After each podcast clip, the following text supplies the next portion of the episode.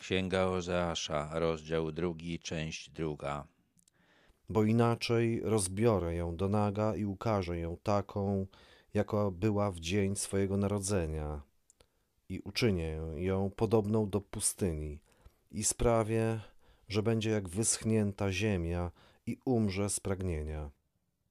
Poprzednio Ozeasz zwracał się do poszczególnych Żydów, członków narodu. Teraz zapowiada, co stanie się z narodem jako całością, jeżeli nie będzie prawdziwego nawrócenia, a wie, że to prędko nie nastąpi. Naród izraelski tworzył się w Egipcie i podczas marszu przez pustynię, kiedy Ozeasz zapowiada, że Bóg uczyni naród izraelski podobnym do tego, jakim był w momencie swojego urodzenia, to znaczy, że znów nie będzie miał własnej ziemi i znów będzie szedł przez pustynię. Tak się stało, gdy Asyryjczycy wysiedlili Żydów. Ta śmierć z pragnienia pewnie rzeczywiście dotknęła wielu wysiedlonych.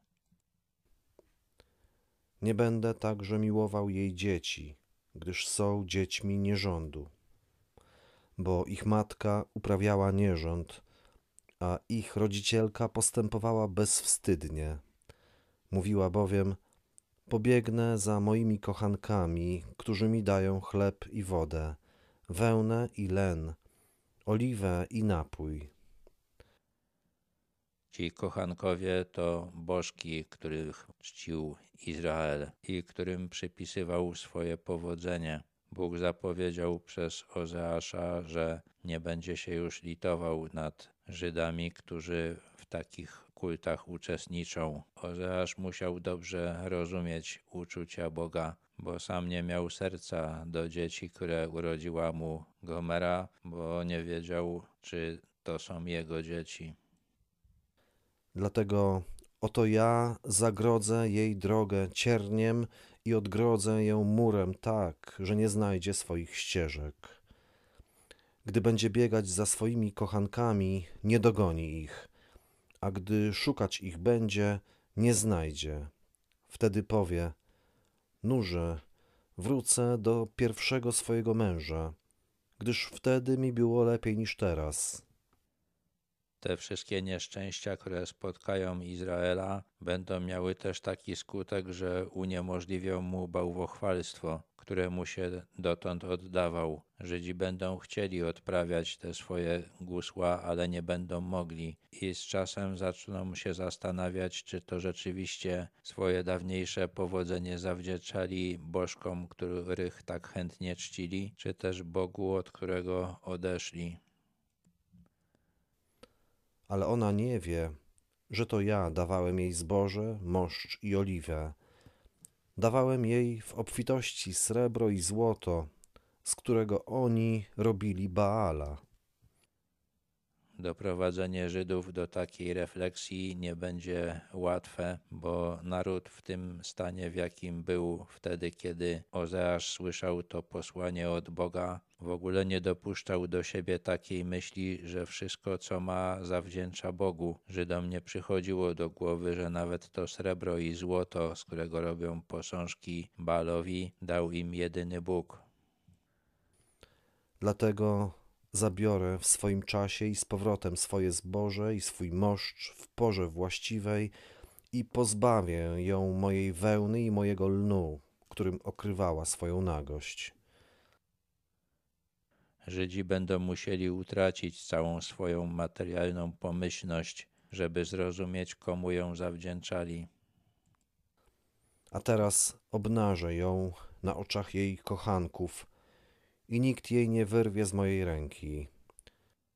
Kiedy zacznie się źle dziać, naród izraelski zobaczy, że te bożki, czyli kochankowie, nic nie mogą mu pomóc. Przekonają się, że gdy prawdziwy Bóg zwróci się przeciwko nim, nie będą mogli zrobić nic, aby uniknąć losu, który im przeznaczył. I położę kres wszelkiemu jej weselu, jej świętom, jej nowiom, jej sabatom i wszelkim jej uroczystościom. I spustoszę jej winnice i jej figowe sady, o których mówiła, to jest zapłata, którą mi dali moi kochankowie. i zamienię je w leśną gęstwinę, z której się żywią zwierzęta polne. Żydom żyło się dobrze w tym odstępstwie, żyli w dobrobycie. I ten kult państwowy i kult Bala, który się rozwinął, dawał okazję do różnych radosnych uroczystości, więc się cieszyli, ale Ozeasz zapowiadał im, że Bóg odbierze winnice i sady i skończy się ich radość. I pomszczę się na niej za dni Baalów, którym spalała ofiary, i strojąc się w swoje obrączki i klejnoty, chodziła za swoimi kochankami. Lecz o mnie zapomniała, mówi Pan. Izrael najpierw zaangażował się w ten odstępczy kult, którym czczony był jednak prawdziwy Bóg, ale potem zaczął czcić pogańskiego bożka i to przede wszystkim Bóg miał przeciwko niemu.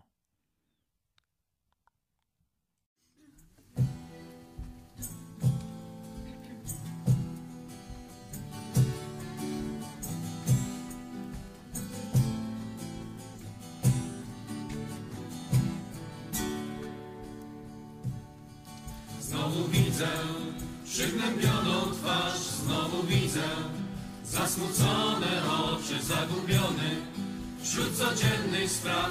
Z tysiącem problemów znowu walkę toczysz.